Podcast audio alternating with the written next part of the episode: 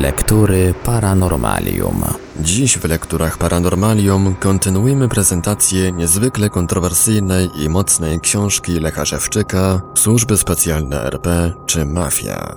Zapraszamy do słuchania.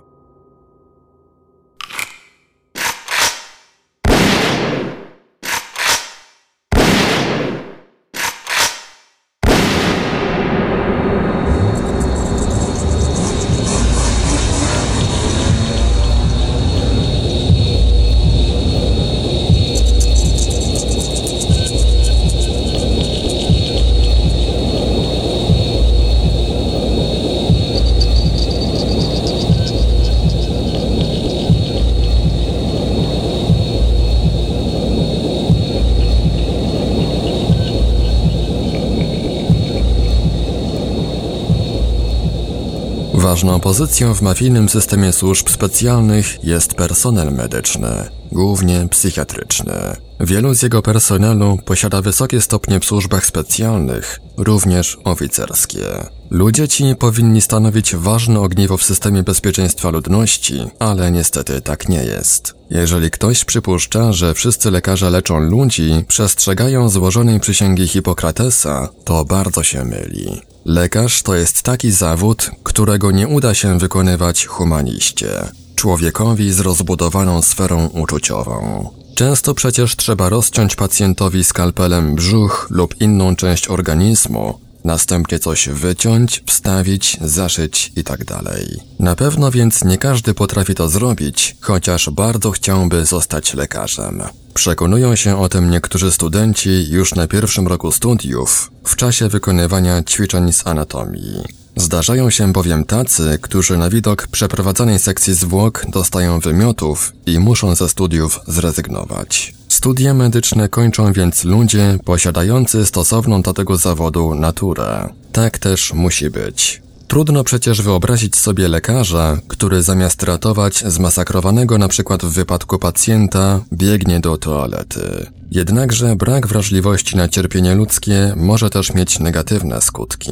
Co bowiem stanie się, gdy wiedza lekarska, powierzone środki i możliwości znajdą się w posiadaniu osób bez morale i zasad, którzy wybiorą pieniądze zamiast etykę?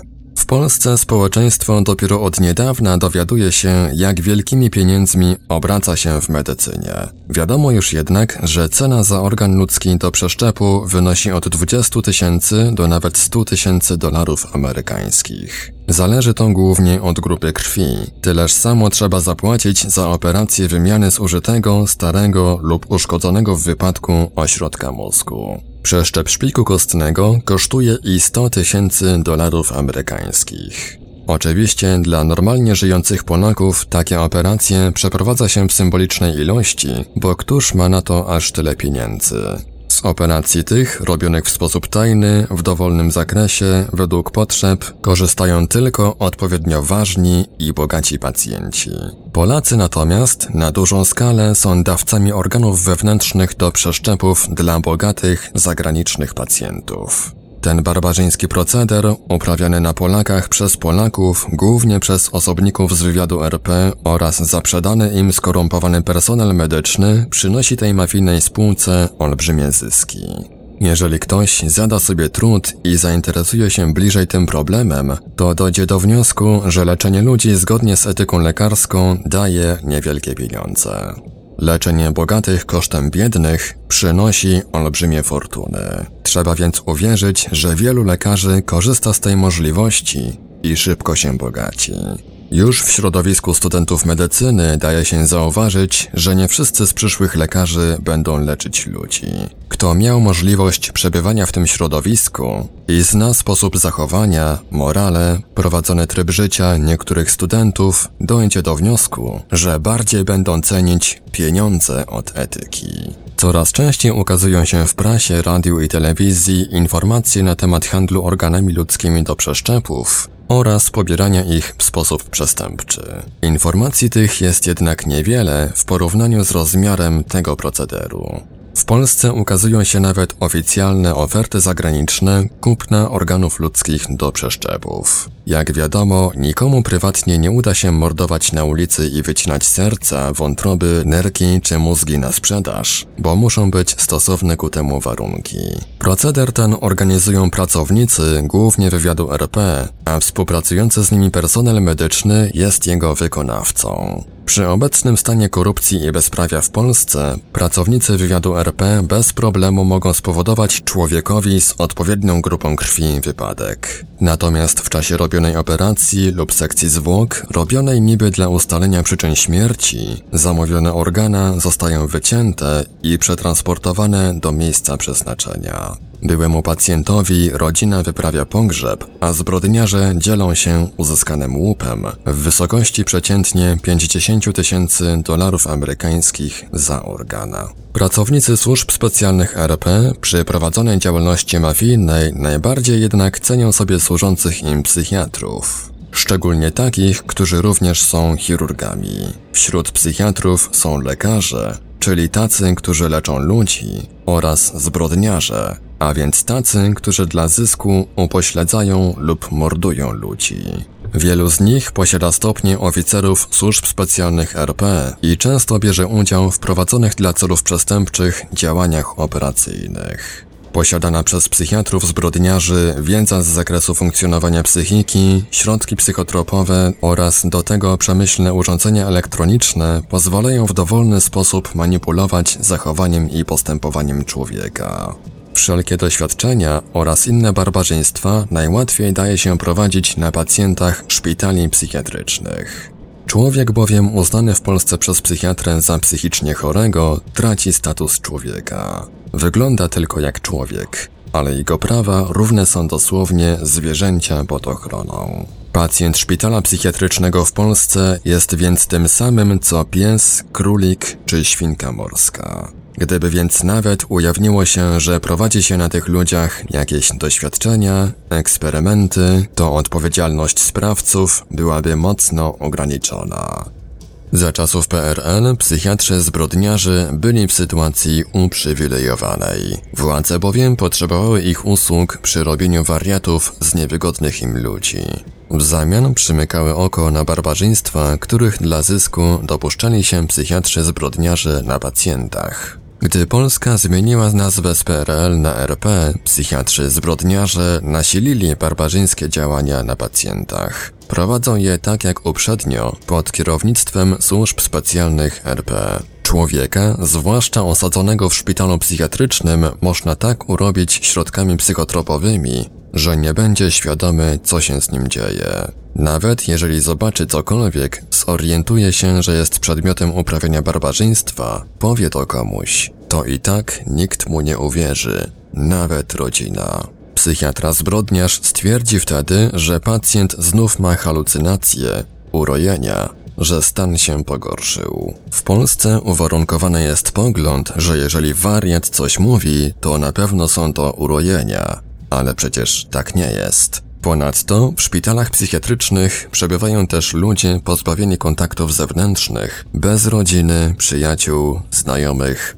o których nikt się nie upomni. Często też rodzina wstydzi się, że ma kogoś w szpitalu psychiatrycznym i przestaje się nim interesować. Tacy właśnie ludzie najłatwiej stają się ofiarami barbarzyństwa. Częstymi przypadkami takiej działalności prowadzonej dla zysku jest ściąganie pacjentom krwi, szpiku kostnego, płynu rdzeniowo-kręgowego, płynu mózgowego, pobieranie części mózgu oraz innych organów do przeszczepów. Prowadzą też eksperymenty medyczne i genetyczne na płodach i organizmach pacjentów. Psychiatrzy zbrodniarze wypróbowują na pacjentach działanie nowo produkowanych lekarstw, środków psychotropowych, kosmetyków oraz innych środków chemicznych i biologicznych. Takie eksperymenty i testy przeprowadzają często na zlecenie firm krajów zachodnich, w których przestrzegane jest prawo i prowadzenie takich działań na ludziach nie jest możliwe. Wiadomo, że każdy nowo wyprodukowany kosmetyk, lekarstwo, środek chemiczny, np. konserwujący żywność, najpierw wypróbowuje się na zwierzętach,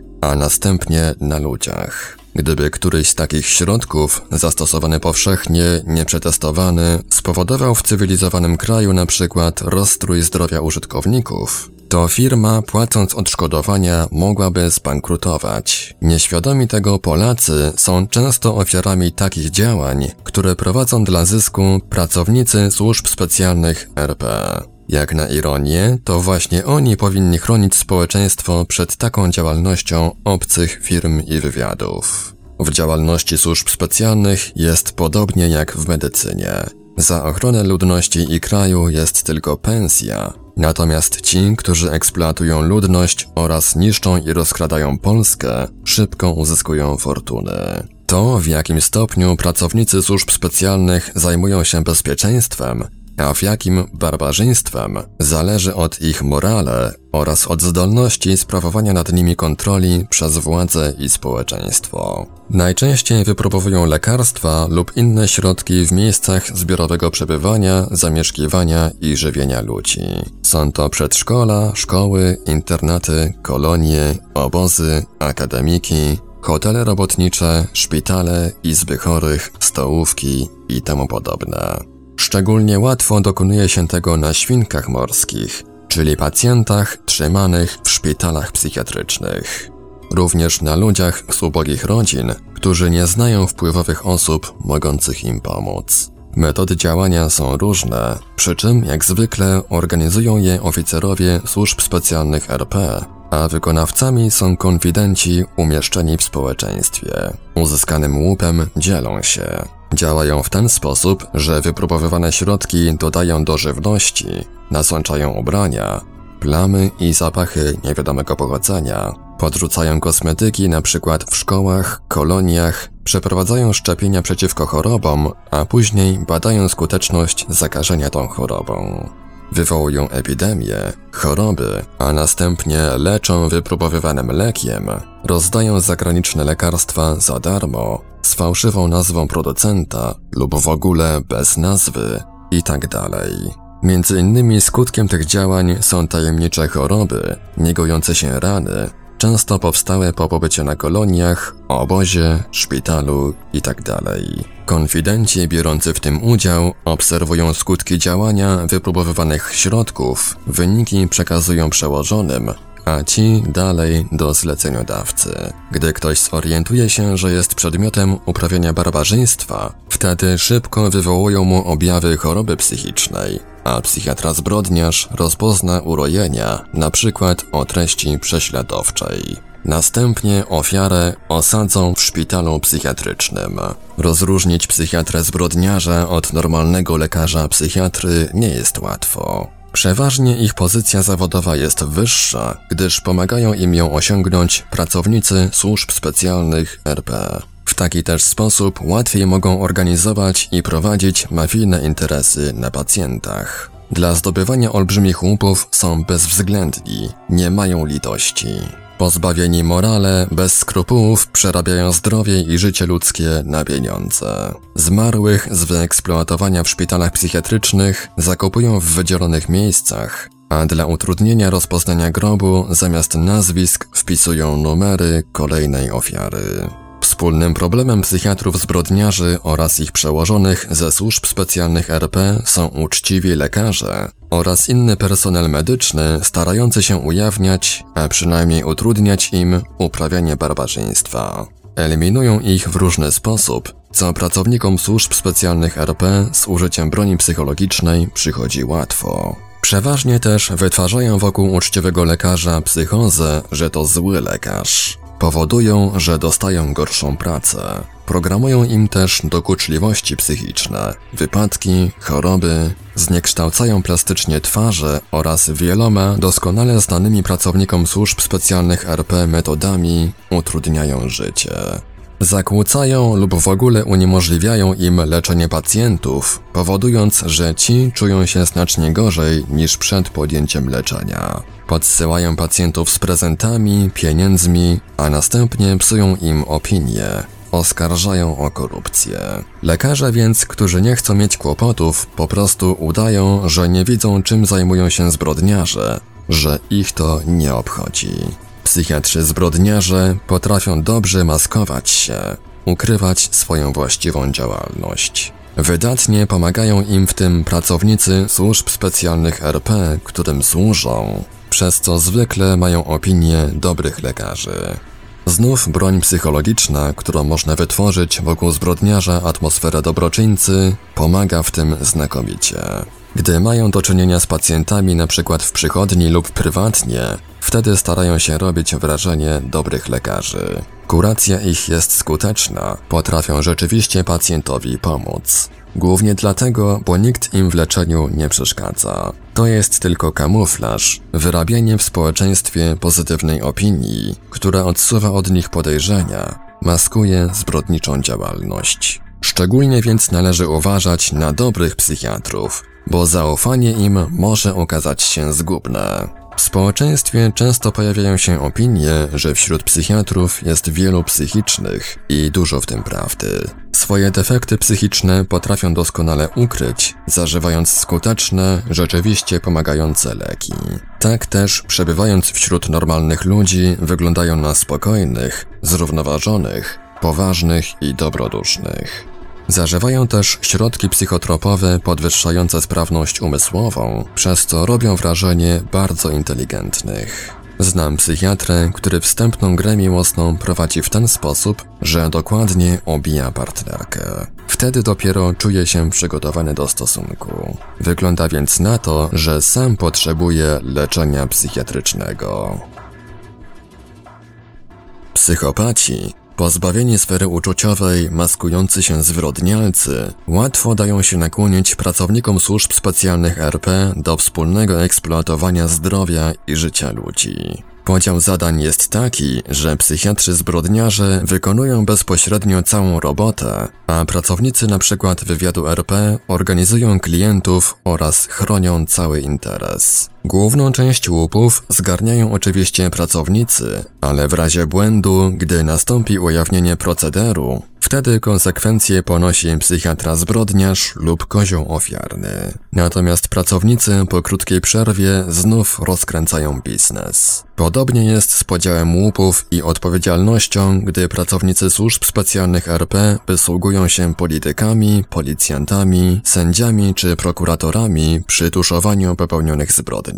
Psychiatrzy zbrodniarze potrzebują do szpitali psychiatrycznych wciąż nowych pacjentów, aby mogli realizować barbarzyńskie zadania. Oczywiście muszą to być ludzie młodzi, z których zdrowia da się wyeksploatować możliwie dużo zysków. W tym celu robione są nagonki do szpitali psychiatrycznych, często tak nachalne, że ludzie uciekają od psychiatrów. Działają w ten sposób, że psychiatra każdemu, kto mu się trafi, wynajduje chorobę psychiczną i sugeruje obserwację lub leczenie szpitalne. Metoda ta jest jednak mało wydajna. Potrzebną ilość odpowiednich pacjentów załatwiają więc w tym celu pracownicy służb specjalnych RP. Programują oni, wywołują w sposób sztuczny wybranym ludziom objawy chorób psychicznych, tak wyraźne, że rodzina decyduje się oddać sztucznie chorego do szpitala psychiatrycznego. Najlepiej potrafią to robić ci, którzy z wykształcenia są psychologami. Zdarza się, że szybko potrzebują kogoś do szpitala z odpowiednią grupą krwi, bo bogaty pacjent czeka. Wtedy wywołują ostry atak choroby psychicznej i zabierają ofiarę ze szkoły, pracy lub ulicy. Nieświadoma rodzina, widząc, że stan jest poważny, godzi się na pobyt chorego w szpitalu. Nieraz, wstępnie, okresowo, z niewielkim nasileniem wywołują wybranym osobom objawy chorób psychicznych, chcąc stopniowo przygotować ofiarę i rodzinę przed tym, co ma nastąpić. Gdy więc spowodują właściwy atak choroby, wtedy nikogo nie zdziwi, że człowiek taki znajdzie się w szpitalu psychiatrycznym. W rzeczywistości człowiek w takim sztucznie spowodowanym mu stanie nie jest chory, lecz posiada tylko objawy choroby psychicznej. Swoim zachowaniem więc i wyglądem wykonuje tylko wprowadzony mu do komputera mózgu program. Przeważnie jest tak, że gdy już raz dostaną kogoś do szpitala psychiatrycznego, to zakładają mu kartotekę i powodują, że okresowo, w zależności od potrzeb, będzie tam wracał. Przed tymi działaniami w Polsce wciąż nie ma możliwości, aby się obronić. Nawet gdyby zdarzyło się, że ofiara zrozumie, co się z nią stało. Po prostu nie ma do kogo zwrócić się po pomoc, a nawet jako świnka morska nie ma takiego prawa. Szczególnie może to dotyczyć osób, którym oficerowie służb specjalnych i psychiatrzy zbrodniarze wywołują zaburzenia psychiczne z powodów politycznych. Obecnie, za czasów RP, na ironię chyba nazwanej państwem prawa, powody polityczne takich działań zeszły na plan dalszy. Teraz robią to przypadkowym świadkom popełnionych przez siebie zbrodni, a ogólnie mówiąc, ludziom przeszkadzającym im w prowadzeniu działalności mafijnej. Natomiast poziom barbarzyństwa uprawianego przez nich na pacjentach wciąż wzrasta, analogicznie do postępującego wzrostu korupcji i bezprawia w Polsce. Pracownicy głównie wywiadu RP oraz służący im psychiatrzy zbrodniarze objawy chorób psychicznych wywołują u ludzi z użyciem środków psychotropowych, ale przede wszystkim tak zwaną bronią psychologiczną. Zwykle są to inteligentne energie, nałożony stan pohipnotyczny, sygnały wysyłane z urządzeń elektronicznych, ultradźwięki, fale elektromagnetyczne, promieniowanie, oraz inne środki. Można na przykład na skutek wysłanego sygnału zasnąć choćby w szkole, pociągu lub pracy, zostać zdalnie zaprogramowanym i po obudzeniu się poczuć źle i być już sztucznym wariatem. Program można przy tym ustawić tak, że zadziała dopiero po pewnym czasie, na dany znak, na przykład gdy nauczyciel wejdzie do klasy, po przewróceniu się na korytarzu, z nastaniem konkretnej godziny, po zobaczeniu podanego przedmiotu, gdy ktoś powie odpowiednie słowo i tak. Psychiatrzy zbrodniarze uczą też pracowników służb specjalnych RP, jak programować objawy chorób psychicznych. Również jak powinien wyglądać i zachowywać się człowiek, aby odpowiadało to naturalnie choremu. Ponadto uczą ich, jak należy wywołać psychozę obłędu, straszyć ludzi z użyciem parapsychologii, tak aby wprowadzać fachowo w chorobę psychiczną. Mając więc odpowiednie przygotowanie, większość pracowników służb specjalnych RP samodzielnie potrafi prowadzić barbarzyńską działalność na ludności. Są też psycholodzy, którzy służą pracownikom służb specjalnych RP jak psychiatrzy zbrodniarze. Wielu z nich jest oficerami. Ci również wykorzystują zdobytą wiedzę do manipulowania psychiką ludzką przeciwko swojemu społeczeństwu, które ich wykształciło. Pacjenci szpitali psychiatrycznych to źródło wielkich łupów pracowników służb specjalnych RP oraz psychiatrów zbrodniarzy. Jeżeli wreszcie doczekali się ustawy psychiatrycznej, to tylko dlatego, bo opracowanie jej wymusiły instytucje międzynarodowe. Wcale to jednak nie oznacza, że z tego powodu w ich losach nastąpi poprawa. Już od wczesnych lat mojego życia zawsze w pobliżu byli chciwi, zwyrodniali, pozbawieni skrupułów ludzie. Trafili się jednak i normalni, którzy udzielili mi bezcennych rad. Powiedzieli, jak postępować, aby przeżyć w środowisku barbarzyńców, którzy wykorzystują i eksploatują mnie, a na ironię poniżają. Między innymi ktoś mi powiedział: Pamiętaj, w sytuacji, w której jesteś, nie ufaj nikomu. Nawet matka lub ojciec mogą być zaprogramowani i postąpić ze szkodą dla ciebie. Pamiętaj też, bo to bardzo ważne, najwięcej zbrodni popełniają oficerowie służb specjalnych, a drugie miejsce mają lekarze. Natomiast wśród lekarzy pierwsze miejsce zajmują psychiatrzy. Przyjmij też do wiadomości, że szpital to jest miejsce, w którym można nie pozwolić umrzeć człowiekowi bardzo długo. Jednakże szpital to jest też miejsce, gdzie można szybko i sprawnie zamordować człowieka, nie wzbudzając podejrzeń. Służby specjalne są wszędzie i wszędzie zdolne zrobić najgorsze. Wiele z uzyskanych pouczeń długo było u mnie w sferze fantazji. Zrozumiałem, że to prawda dopiero gdy poznałem lepiej, w co jestem wplątany i kto bierze w tym udział. Ogólnie można powiedzieć, że służby specjalne potrafią wiedzieć i kontrolować wszystko, co dzieje się w kraju. Możliwości ich są ukryte i dużo większe niż to powszechnie wiadomo. Właśnie po stanie, w jakim jest kraj, jak funkcjonują w nim urzędy, gospodarka, czy przestrzegane jest prawo i w końcu po tym, jak żyje się ludziom, można ocenić, jakie jest morale służb specjalnych. W Polsce potencjał służb specjalnych pozostały po totalitarnym państwie jest olbrzymi. Szacuje się, że około 30% dorosłej części społeczeństwa współpracuje z którąś z tajnych służb lub policją. Jest to mniej więcej tyle samo jak w innych krajach bloku wschodniego, w których ujawniono te dane. To, że Polska zmieniła nazwę z PRL na RP wcale nie znaczy, że potencjał ten przestał istnieć. Przeszedł w inne ręce i wiele wskazuje, że nawet został powiększony. Z tej branży nie daje się zrezygnować i kto już z tą firmą zaczął, zawsze będzie potrzebny. Dostanie zadanie do wykonania. Tylko w Gorzowie Wielkopolskim cywilne służby specjalne mają kilka tysięcy agentów i konfidentów. Trzeba też doliczyć do nich nie mniejszą liczbę agentów wojskowych, służb specjalnych i policji. Razem więc około 20 tysięcy ludzi. Kto zna możliwości i metody działania służb specjalnych, ten wie, że gdyby ten olbrzymi aparat pracował na rzecz bezpieczeństwa i ochrony ludności, to niewiele przestępstw udałoby się zorganizować, a jeszcze mniej popełnić. Jednakże większość tych ludzi w różnym stopniu wplątana jest w prowadzenie działalności mafijnej, z uprawianiem szpiegostwa przeciwko Polsce włącznie.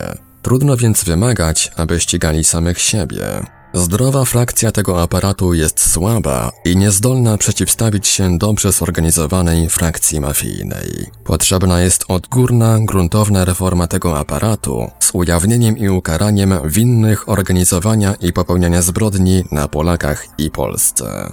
Niech ktoś spróbuje dociec, jakie są wyniki pracy tych ludzi i czy w ogóle ktoś rozlicza ich z wykonanych zadań. Z tego co mi wiadomo, część zagarnianych łupów przekazują przełożonym do centrali, przez co mogą działać swobodnie i bezkarnie. Do więzienia idą tylko drobni przestępcy lub kozły ofiarne, a olbrzymich łupów z wielu afer nie udaje się odzyskać. Polski i społeczeństwa nikt nie ochroni, przez co stały się sferą grabieży rodzimych i zagranicznych złodziei. Chwilami wygląda to, jakby Polskę opętała gorączka złota. Kto ma łopatę, ten kopie. Precyzyjniej mówiąc, kto ma możliwości, kto jest w układach, Polskę i Polaków grabi. Gdyby w służbach specjalnych RP było więcej normalnych ludzi, wtedy to, co dzieje się w Polsce, nie miałoby miejsca. Wiadomo już z przeszłości, że każdą zbrodnię są w stanie popełnić, przy czym w torturowaniu ludzi osiągają poziom średniowiecznych mistrzów. Znamy te fakty choćby z zeznań torturowanych w aresztach śledczych. Ofiary tych przestępstw napisały wiele książek na ten temat. Również z niedalekiej przeszłości znane są przypadki popełniania przez pracowników służb specjalnych wielu zbrodni, w tym też torturowania przeciwników politycznych. Były nawet procesy w takich sprawach, ale większość faktów z tego typu działań zatuszowano. Niestety, zbrodnie popełniane dla zysku w działalności mafijnej, głównie przez pracowników wywiadu RP, wciąż stanowią tabu. Takie na ten temat są fakty, powszechnie społeczeństwu znane. Na potwierdzenie więc, że mamy wielu psychicznych w służbach specjalnych, nie trzeba nic więcej udowadniać. Należy tylko wiedzieć, bo fakt ten w Polsce zataja się, że takie zwyrodnienia psychiczne jak skłonności do mordowania, sadyzm i uprawianie zwyrodniałych zboczeń są chorobami psychicznymi i to uznanymi w świecie jako niebezpieczne dla otoczenia. W Polsce natomiast eksponuje się, że niebezpieczne choroby psychiczne to urojenia, zwłaszcza gdy uroi się komuś, że widział jak pracownicy służb specjalnych popełnili przestępstwo. Warto przy tym wspomnieć, że wszelkiego rodzaju urojenia, halucynacje można wywołać każdemu natychmiast przy pomocy środków psychotropowych lub urządzeń elektronicznych. Pracownicy służb specjalnych RP, zwłaszcza wywiadu, mają tych urządzeń i środków pod dostatkiem.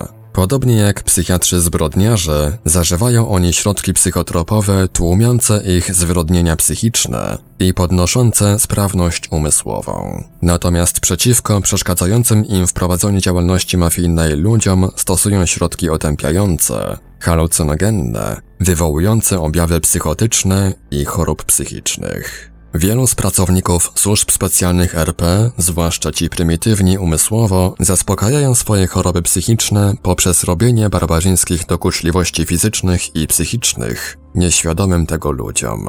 Przychodzi im to szczególnie łatwo z użyciem broni psychologicznej, metod i środków operacyjnych. Cieszą się przy tym, że są tacy sprytni, bo ofiara nie może zorientować się, jak oni to robią i że nikt nie może im w tym przeszkodzić. Po stanie psychicznym wielu pracowników służb specjalnych RP można wnioskować, kim są psychiatrzy, którzy robią im badania wstępne i testowe. Przed przyjęciem do tych służb i na jakich zasadach badania te są prowadzone. Później przecież razem robią mafijne interesy, z których osiągają olbrzymie łupy. Wiedzą więc, jakiego charakteru ludzi powinni akceptować. Od pewnego czasu przestali w przedszkolach wyszukiwać psychopatów na swoje przyszłe kadry. Obecnie przyjmują do służb specjalnych RP swoich potomków, przez co łatwiej mogą organizować rodzinne organizacje mafijne. Szczególnie dotyczy to wywiadu RP, którego uzyskiwane łupy są największe. Jest to rozwiązanie zagadki, dlaczego do służb specjalnych RP tak trudno się dostać. Czyli uprzednio trzeba było mieć szczególne skłonności psychiczne, a obecnie dodatkowo być potomkiem takiego pracownika. Nieznaczną tylko część naboru stanowią ludzie spoza tego środowiska. Tym jednak tak dobrze jak swoim wieść się nie będzie. Często ich losy przebiegają tragicznie lub w ogóle się kończą. Wiadomo więc, że tego rodzaju ludzie, których wielu w służbach specjalnych RP nie będą chronić społeczeństwa i kraju. Wręcz przeciwnie, gdy wydostali się spod kontroli społeczeństwa i władz, coraz bardziej rozwijają swoje mafijne struktury, aby eksploatować ludność oraz niszczyć i rozkradać Polskę. Jak podaje jedna z ujawnionych niedawno instrukcji UOP-u, na konfidentów należy werbować ludzi z niskim morale. Tacy bowiem, zgodnie z obecnymi potrzebami, łatwo przystosują się przy prowadzeniu działalności mafijnej. W cywilizowanych krajach, w których są władze kontrolujące służby specjalne, jest odwrotnie. Na tajnych współpracowników werbuje się ludzi o wysokim morale, bo tacy tylko będą chronić swojego społeczeństwa i kraju.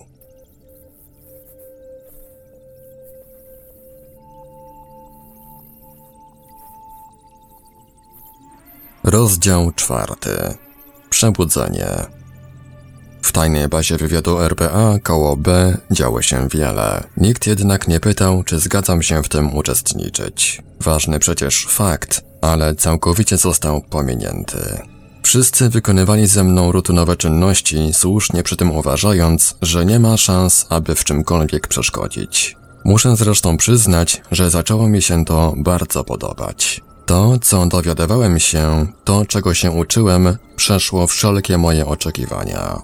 Zaczęło się od odtworzenia całego mojego życiorysu, który opowiadałem wprowadzony w hipnozę dzień po dniu, noc po nocy od urodzenia. Pamiętałem to, co mówiłem w hipnozie, ponieważ pozostawiali mi to w pamięci.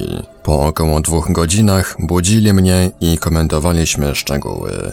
Cykl taki powtarzali nieraz i kilka razy dziennie. W hipnozę wprowadzali mnie natychmiast, używając przy tym małego urządzenia elektronicznego. Znacznie później dowiedziałem się, że do napojów, które przedtem piłem, dodawali środek psychotropowy, ułatwiający uzyskanie odpowiednio głębokich stanów hipnozy. Niestety, po moim powrocie z RPA do Polski, pracownicy wywiadu RP znów stopniowo prali mi mózg, wymazując wiele faktów z mojego życiorysu z pamięci. Gdy zauważyłem, że to robią, postarałem się zapisać pamiętane jeszcze zdarzenia, ale uratowałem niewiele. To niewiele jednak okazało się na tyle wystarczające, że udało się ułożyć z tego logiczny ciąg zdarzeń. Całość informacji zablokowanych w mojej podświadomości można znów łatwo odtworzyć, ale w sytuacji, w której jestem, nie jest to możliwe. Tak więc w czasie odtwarzania mojego życiorysu w hipnozie poznałem tajone fakty barbarzyńskich działań prowadzonych na mnie przez pracowników służb specjalnych RP. Wypatrzyli mnie już w przedszkolu w czasie prowadzonych rutynowo dzieciom badań lekarskich, sprawnościowych i testowych. Przenosili mnie też okresowo do innych przedszkoli, w których mieli lepsze możliwości wykonać potrzebną im grupę badań i testów. Znikałem też wielokrotnie z przedszkola, również celem prowadzenia na mnie barbarzyńskich badań i działań. Całość odbyła się bez wiedzy i zgody moich rodziców, A ja też nie mogłem przecież zorientować się, że prowadzone są na mnie tajne działania służb specjalnych. Gdy stwierdzili, że stanowi dla nich bardzo wartościowy nabytek, zdolności moje stłumili, tak abym nie wyróżniał się w środowisku innych dzieci. Zrobili to którąś z metod znanych w parapsychologii lub nałożonym mi stanem pohipnotycznym. W taki sposób mogli podstępnie obserwować mnie, kierować moim losem, poddawać różnym działaniom, a nikt z rodziny, znajomych lub innych osób nie zwrócił uwagi, że za tym kamuflażem kryje się tak wiele. Również utajniając mnie, mogli uchronić się od konkurencji, aby ktoś, na przykład ważniejszy od nich, po prostu im mnie nie zabrał. Szybko też przystąpili do tajnego szkolenia mnie. Zrobili to głównie w hipnozie, tak abym przy naturalnym stanie psychiki nie wiedział, czego się nauczyłem. W czasie tego szkolenia, które zaczęło się już we wczesnych latach szkolnych, nauczyłem się języków obcych, walki wręcz, posługiwania się różną bronią, wchodzenia do obiektów, otwierania zamków, przechodzenia przez przemyślne zabezpieczenia oraz wiele innych tajników z działalności służb specjalnych. W ten sposób wyszkoleni ludzie, tajnie, w hipnozie, którzy o tym nie wiedzą, nazywają się agentami uśpionymi. Chodzi w tym o to, że człowieka, który nie wie, że został wyszkolony, że zrobiono z niego agenta, łatwiej można umieścić w miejscu jego przeznaczenia, gdziekolwiek w świecie, bez wzbudzenia podejrzeń, że jest to agent. Nawet wykrywacz kłamstw nie wykaże, że człowiek ten jest wyszkolonym agentem. Dopiero gdy znajdzie się on w miejscu, gdzie ma wykonać zadanie, gdy pozyska zaufanie środowiska, budzi się go. Wtedy inni agenci nawiązują z nim kontakt i wyuczoną w hipnozie wiedzę odblokowują mu. Wtedy człowiek ten jest już wzbudzonym agentem i ze zdziwieniem stwierdza, że potrafi wykonać czynności i posiada wiedzę, o czym uprzednio nic nie wiedział. W podobny sposób w części szkoli się komandosów służby czynnej, aby w cywilnych warunkach nie potrafili wyuczoną wiedzą posłużyć się. Odblokowuje im się tę wiedzę dopiero wówczas, gdyby w przyszłości zostali wysłani do wykonania jakiegoś zadania. Ktoś mógłby zapytać, a co będzie, jeżeli uśpiony agent po obudzeniu zaprotestuje i nie zechce współpracować, wykonywać powierzonych mu zadań? Przecież ci, którzy go wyszkolili, popełnili szereg przestępstw, bo może wbrew jego woli, bez jego wiedzy i zgody, zadecydowali o jego losach. Zmienili mu też osobowość, uwarunkowali do prowadzenia działań, których nie planował. Wreszcie narazili na niebezpieczeństwo, utratę zdrowia, a nawet życia. Przypuszczam, że przypadków odmowy, protestów nie ma, a co najwyżej zdarzają się bardzo rzadko. Jest to po prostu tak zorganizowane, uwarunkowane, że nawet nie pomyśli się, aby mieć do kogokolwiek pretensje. Raczej jest się zadowolonym z nagłego przypływu bądź co bądź bardzo cennej wiedzy. Jednakże sposób, w jaki przeprowadzono to szkolenie ze mną, budzi szczególnie dużo zastrzeżeń. Mam więc powody, aby zaprotestować, ale w Polsce nie ma do kogo złożyć zażalenia. Mnie bowiem pracownicy służb specjalnych szkolili dla celów prywatnych, aby eksploatować i wysługiwać się mną przy prowadzeniu działalności mafijnej. Szkolili mnie w różnych dziedzinach i miejscach, także w czasie pobytów na obozach i koloniach. Część sprawnościową prowadzili jawnie, ale tak, aby wyglądało to naturalnie, że są to normalne ćwiczenia gimnastyczne. Służyły w tym celu sale gimnastyczne w szkołach, boiska, stadiony sportowe, basen miejski, lodowiska. W sali gimnastycznej szkoły podstawowej, do której uczęszczałem, było wiele przyrządów i przedmiotów nigdy nieużywanych w czasie normalnych lekcji WF. Natomiast ćwiczyłem na tych przyrządach po lekcjach, na dodatkowych zajęciach gimnastyki. Wydawało mi się wtedy, miałem takie poczucie, że robię to celem bycia sprawniejszym fizycznie od innych dzieci. Zwykle ćwiczyliśmy w grupie kilkorga dzieci, nie zawsze tych samych, przy czym ja byłem najmłodszy. Uwarunkowali mnie przy tym w ten sposób, że w czasie programowych ćwiczeń WF w szkole uchylałem się od ich wykonywania. Starałem się omijać ćwiczenia, wykonywać je niedbale lub udawałem, że coś mnie boli i w ogóle nie ćwiczyłem. Natomiast gdy byłem starszy, w szkole średniej najczęściej załapywałem się na pilnowanie szatni. Manipulowali mną tak dlatego, aby ukryć moją sprawność, a nawet wywołać wrażenie, że jestem mniej sprawny od innych. Część tajna ćwiczeń odbywała się po wprowadzeniu mnie w hipnozę i wtedy nauczyłem się skutecznych uderzeń przy atakowaniu ludzi oraz samoobrony. Tajne ćwiczenia prowadzili m.in. w sali gimnastycznej obecnej AWF w Gorzowie Wielkopolskim. W moich latach dziecięcych była to szkoła podstawowa, zwana szkołą ćwiczeń. Za salą gimnastyczną tej szkoły, w zaułku, była ławka, na której, pozornie bez celu, często siadałem. W rzeczywistości wysyłali mnie tam pracownicy służb specjalnych, aby po chwili podstępnie uśpić i w hipnozie przeprowadzić w odpowiednie miejsce. Przypuszczam, że w tym samym miejscu było jedno z tajnych wejść do schronów pod wspomnianą szkołą i okolicznymi budynkami. Prawdopodobnie w części tych schronów wciąż mają zorganizowaną jedną z licznych pornomelin, w których m.in. uprawiają swoje zmysłowe zboczenia, w tym na odłożonych narkotykami, wprowadzonych w hipnozę dzieciach.